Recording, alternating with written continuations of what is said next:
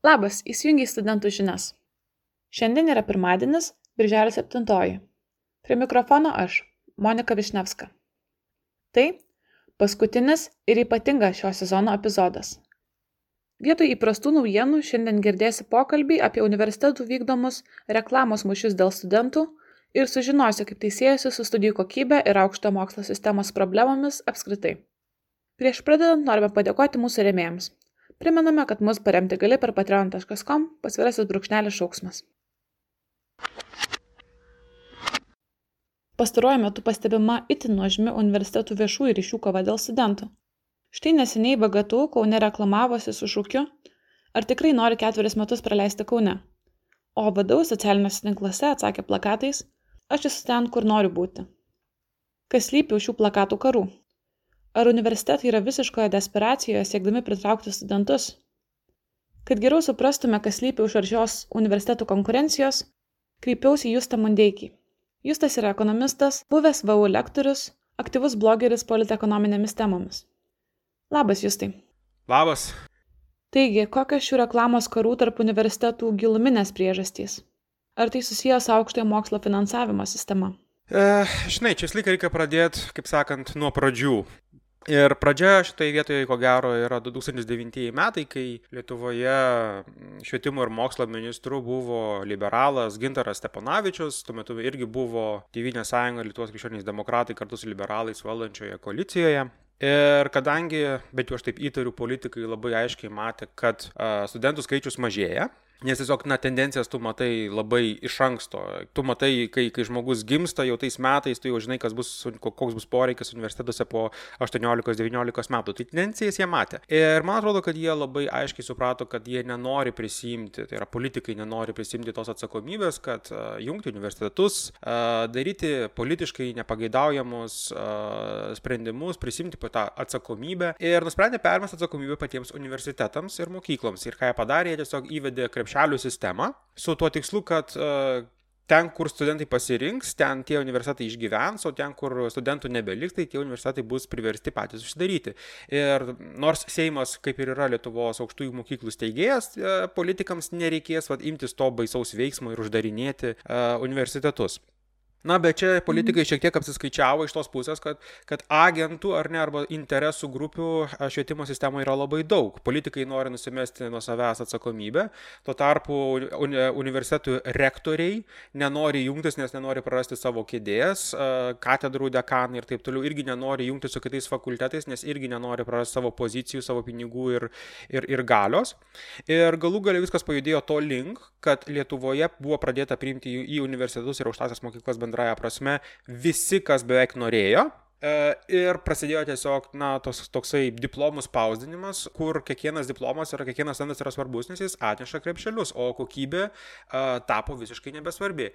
Uh, ir ką, ką galų galia tai, na, kur link tai, tai nukeliauja? Tai nukeliauja link to, kad studentas tampa vartotoju, aukštasis mokslas tampa kažkokia prekė ar paslauga, kuri yra perkama ir tada jau, ir tada interesas yra universiteto nebe išlaikyti aukštojo mokslo kokybę, o tiesiog kuo galima labiau pritraukti studentą. E, nuėjome iš tikrųjų iki tokios nesąmonės, jog šiuo metu, bent jau Vilniaus universitete, jau prasideda tokia praktika, kad kai priimamas sprendimas ar pratesti dėstytojo kadenciją, ar, ne, ar, jam, ar jam leisti toliau dėstyti, ar ne, kai, kai, kai jis dalyvauja savo toje, tose konkursuose atrankos, e, jau yra pradedama vertinti studentų atsiliepimai apie dėstytoją, kaip jis, kaip jis gerai dėstė. Na, su visa pagarba pagalba daugumai studentų, bet, sakykime taip, pirmo ar antro kurso studentai, kurie pirmą kartą ateina po mokyklos ir jie vertina dėstyti, jie dar patys nepakankamai kartais gerai žino, ką reiškia žodis studijuoti ir ką reiškia kokybiškas mokslas. Jie galvoja, na, labai dažnai galvoja, kad uh, kokybiškas mokslas yra, kai jie tiesiog išlaiko gerais pažymiais, bet nebūtinai uh, gerai yra vertinami tie dėstytojai, kurie galbūt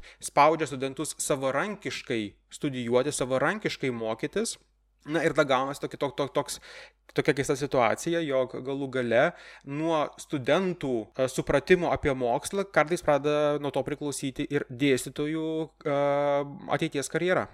Mhm, tai sakai, kad aukštojo mokslo nuvertėjimo problema iš esmės siejasi su 2009 metų krepšelių reforma.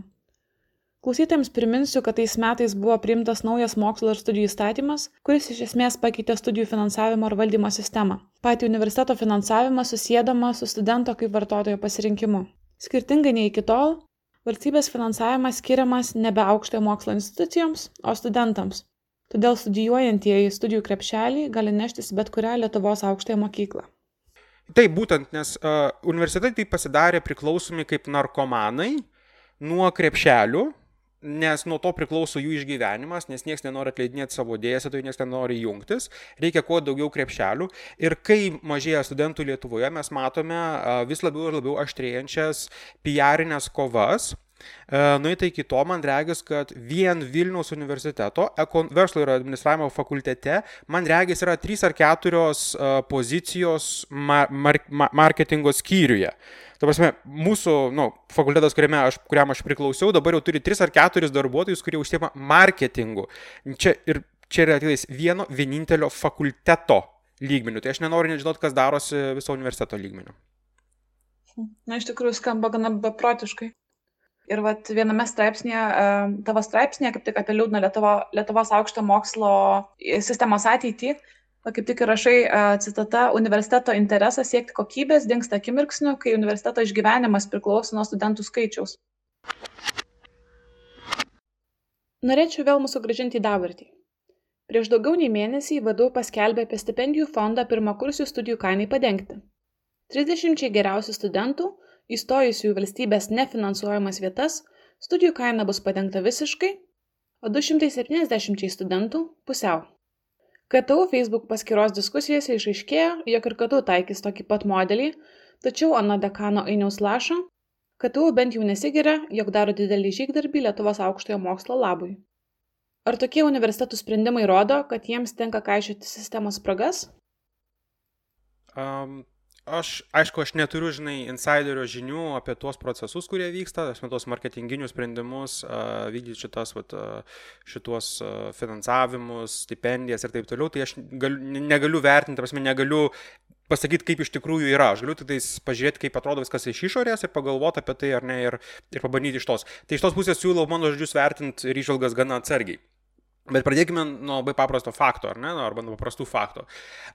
Lietuvoje valstybė, kaip, ar ne, priema iš esmės sprendimus, kokių specializacijų žmonių mums reikia ir kiek jų reikia ir pagal tai vykdo, taip sakant, valstybės užsakymą, universitetams sudaromi, pagal tai yra nustatomas valstybės finansuojamų vietų poreikis ir pagal tai skiriamas finansavimas. Ir matėme, kad, na, pavyzdžiui, paskutiniais metais judėjome daugiau uh, STEM specialybių link, ar ne daugiau visokių inžinierių, matematikų ir informatikų link. Uh, Nepaisant, kad ten galbūt žmonės nestoja panašiai. Bet valstybė tą tokį planavimą kažkokį turi. Galima, ko gero, irgi kritikuoti, kiek jis yra, kiek jis yra teisingas, uh, uh, savalaikis ir panašiai, ko gero, ten irgi daug problemų, bet tai iš esmės vyksta. Ir um, visgi patys, tai daro valstybė. Patys universitetai, vėlgi, kaip aš minėjau, jie yra suinteresuoti savo išgyvenimu ir ką jie daro, jie stengiasi pritraukti vis tiek, kuo galima daugiau kitų uh, studentų į valstybės nefinansuojamas vietas, nu, tiesiog tam, kad, uh, tam, kad gaut tuos pinigus, nes, kaip sakoma, pinigai kaulų uh, tai tikrai nelaužo. Taip pažiūrėkime, pavyzdžiui, į uh, praeitų metų skelbiamą statistiką Lamo BPO tinklapyje galima susirasti, jog, pavyzdžiui, populiariausios praeitų metų uh, studijų dalykai buvo Vilniaus universiteto teisė. Įstojo 335 uh, studentai, uh, nors valstybės finansuojamų vietų buvo ketvirtadalių mažiau. Uh, aš ko gero nenustebinsiu pasakydamas, kad Lietuvoje teisininkų stygiaus tikrai mes nejaučiame, šiaip savaime. Uh, Antra, antra, antra pagal paklausą specialybė arba studijų dalykas buvo LSMU medicina. Priimti 306 studentai ir tai yra net 62 procentais daugiau nei valstybė mano esant realiam ilgalaikiam poreikiui. Kaip tariant, valstybė sako, ha, mums reikia maždaug 100, tai, tai LSMU priema 300. Problema galų gale nutinka ta, jog kai jie priema 300 studentų, Ir kai jie baigia universitetinį mokslą, jie turi keliauti į rezidentūrą. Tačiau rezidentūros vietų net uh, tiek, daž, uh, tiek nebūna, kiek yra kartais studentų. Už tai studentai kartais netgi būna priversti iš esmės emigruoti lauk iš Lietuvos tam, kad atlikti rezidentūrą, kad galų gale galėtų tapti gydytojais. Dėl to jau netgi skundžiasi jaunųjų gydytojų asociacija, man atrodo. Um, tiesiog, bet kadangi, kadangi uh, pati profesija yra paklausi arba daug norinčių studijuoti, ar ne, ir, ir, ir pritraukiama taip pat ir iš užsienio, ir iš užsienio, ir iš užsienio studentų, tai savame suprantama, tada universitetas yra suinteresuotas priimti kuo galima daugiau studentų. Na, galima žiūrėti toliau. VGTU, kūrybinės industrijos, vėl 26 maždaug procentais daugiau priimtų studentų nei valstybė mano esant poreikiai. Vilniaus kolegija, uh, ryšiai su visuomenė, plus 60 procentų daugiau negu valstybė mano esant uh, realiam poreikiai. Tai, na, pasme, ko jau ko, bet PR-čikų pas mus šiais laikais tikrai netrūksta. Jau užtenka ir bank, banko analitikų, ir panašių PR-čikų. Uh, kitaip tariant, man atrodo, situacija yra tokia, kad uh, kadangi yra šiek po truputį didinama ta norminė studijų kaina ir šiek valstybė šiek tiek bando optimizuoti ir valdyti valstybės finansuojamų vietų skaičių, patys universitetai ir kolegijos realiai susiduria su, su, su ta situacija, kad studentai pradeda vertinti, ar, ar jiems stot, galbūt kur jie nori, bet galbūt kurie nepatenka pagal savo konkursinį balą ir mokėti milžiniškus pinigus Lietuvoje, ar jiems geriau emigruoti, e, išvažiuoti studijuoti kokią Vokietiją, Olandiją, e, Daniją, kur, kur, kur studijos iš esmės yra nemokamos arba labai mažai kainuojančios. E, ir tada jie pradeda, tada Lietuvos universitetai mato, kad na, jie praranda tas konkurencinė, konkurencinėje kovoje su užsienio universitetais. Nes kokybės pas mus čia tikrai jie na, nesuteikia, o, o išvykti kažkur studijuoti į užsienį, kuo toliau to darosi lengviau. Na, aišku, nepaisant COVID situacijos dabartinės. Tai man atrodo, kas vyksta ir vat, visos šitos stipendijos, ar ne, kurios yra link nukreiptos, tai yra būtent tam, kad kažkaip dar vis primasalint pritraukti stoti. Bet tai jie nori pritraukti studentus tam, kad jie ateitų į, į tą loteriją, pasirinktų, įstotų ir paskui neaišku, ar to, to, to, toje loterijoje laimės ar nelaimės. Na, man tai yra grinas PR. Mhm. Tai vad visos šitos akcijos vertini kaip tam tikrą būdą tiesiog e, pritraukti studentus, kad e, universitetai galėtų kažkaip save finansuoti ir išgyventi. Aš manau, kad, aš manau, kad taip. Aš manau, arba kelių netgi hipotezę, kad galbūt, galbūt situacija yra dar netgi tokia, kad bakalauro studijas pabaigę studentai netęsia magistro studijų ir lieka neužpildytos valstybės finansuojamos vietos galbūt kai kuriuose dalykuose. Už tai galbūt universitetai bando kažkaip pseudo patys, patys finansuodami pritraukti daugiau bakalauro studentų tam, kad po to tie studentai užimtų valstybės finansuojamas vietas magistro studijose. Galbūt ir toks yra variantas įmanomas, bet čia jau reikėtų turėti tikrai vidinės virtuvės žinias, kuriuo aš dėja neturiu naujos švietimo ministrės šiugždinienės sprendimu šįmet didinama norminė studijų kaina bei mažėja valstybės finansuojamų vietų skaičius. Kaip vertinti tokias reformas? Kaip tai susiję su krepšelio finansavimo sistema?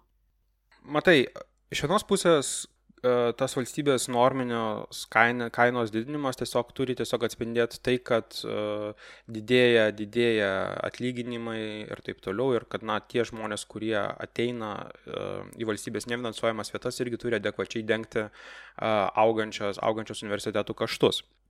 Tai, kad valstybė kai kur mažina valstybės finansuojamų vietų skaičių, yra labiau man indikacija iš tos pusės, kad valstybė imasi kažkokio, kažkokio bandymo valdyti, valdyti ateities darbuotojų poreikį arba jų įsilavinimo poreikį.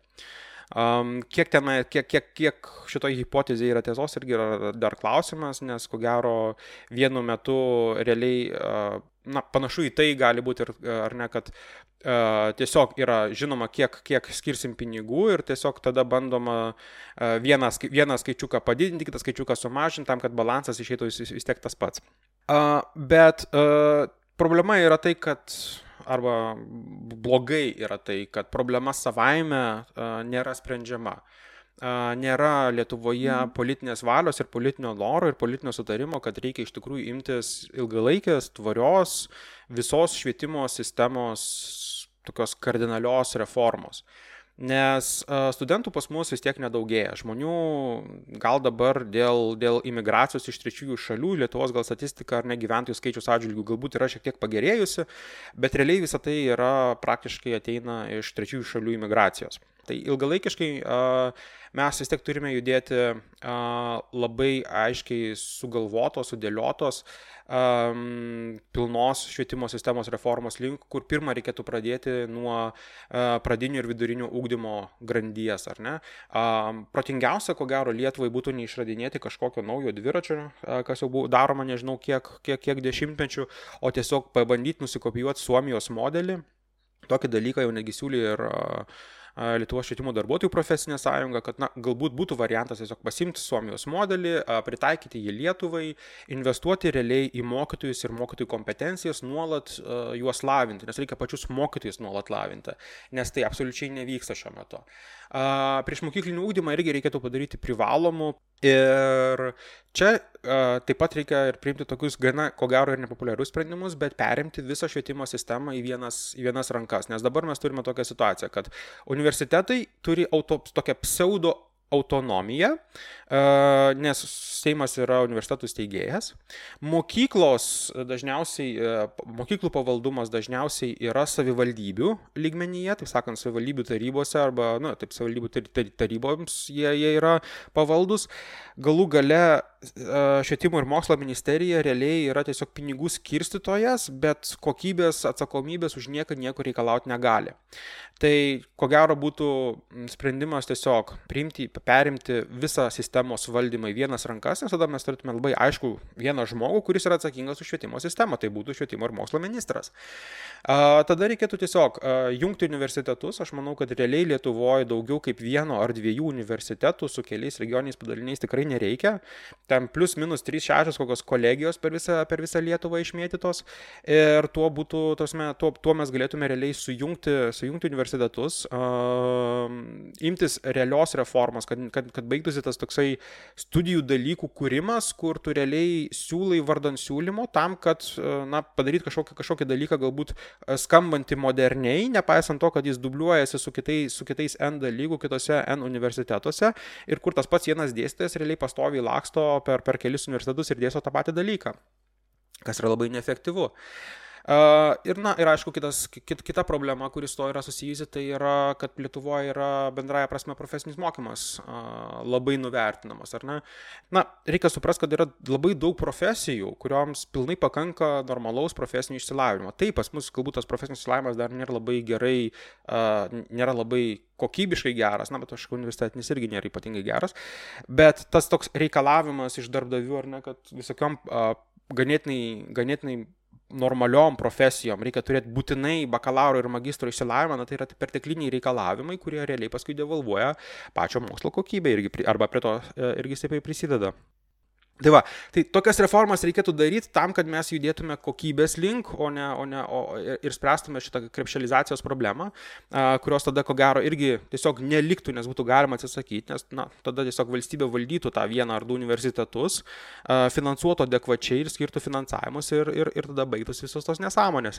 Nes pažiūrėkime, kokia dabar yra realybė. A, mes sakome, kad universitetai yra pseudo, nu, mes sakome, kad jie turi autonomiją pagal konstituciją, universitetai gali skirti va 200 tūkstančių, ten keli šimtus tūkstančių visokiam PR-iniam akcijom ar ne, va, stipendijom ir taip toliau, bet tą akimirką, kai tik tai jiems pritrūksta pinigų visokių prisijungimų prie, prie mokslinių duomenų bazių, Springerio ir taip toliau nusipirkimui, rektoriai ir taip toliau lekia visi į švietimo ir mokslo ministeriją ir Seimą ir aiškina, kaip dabar jau vyriau, valstybė turi pirkti tas duomenų bazės. Na, tai gaunasi toks labai įdomus dalykas. Mes esame autonomiškai, ne, mes, esame, mes turime autonomiją, esame nepriklausomi, bet duokit mums viskam pinigų.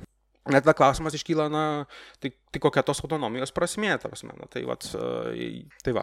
Tai, um, tai kaip suprantu, tiesiog kalbė apskritai, kad reikalinga tokia iš esmės, iš esmės tokie pokyčiai sistemoje, kad kalbė apie didesnę centralizaciją, kur yra reikalinga e, švietimo ir aukšto mokslo sistemos perstruktūravimas ir kažkokios mažos reformas, kaip ir atrodo, kad neturi tada prasmės.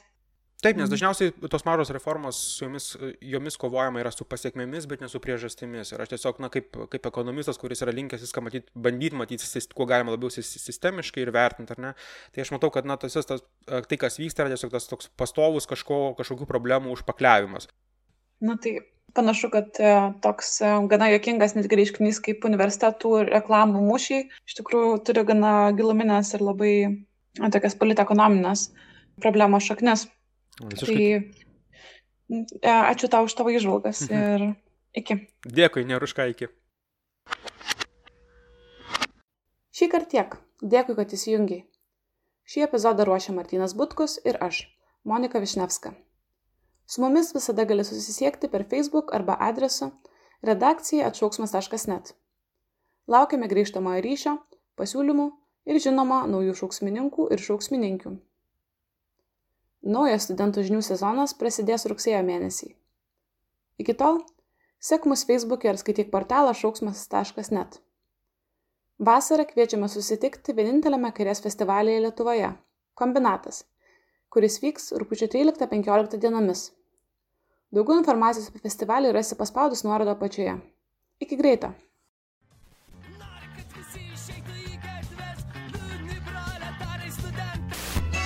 No, no, no, no, aš netraukiu daugiau, baisu vienam pabūst ant grindų. Žinai, kad viskas išlaikame, tikriausiai reikia sakyti, nieko, nieko neatidėkame.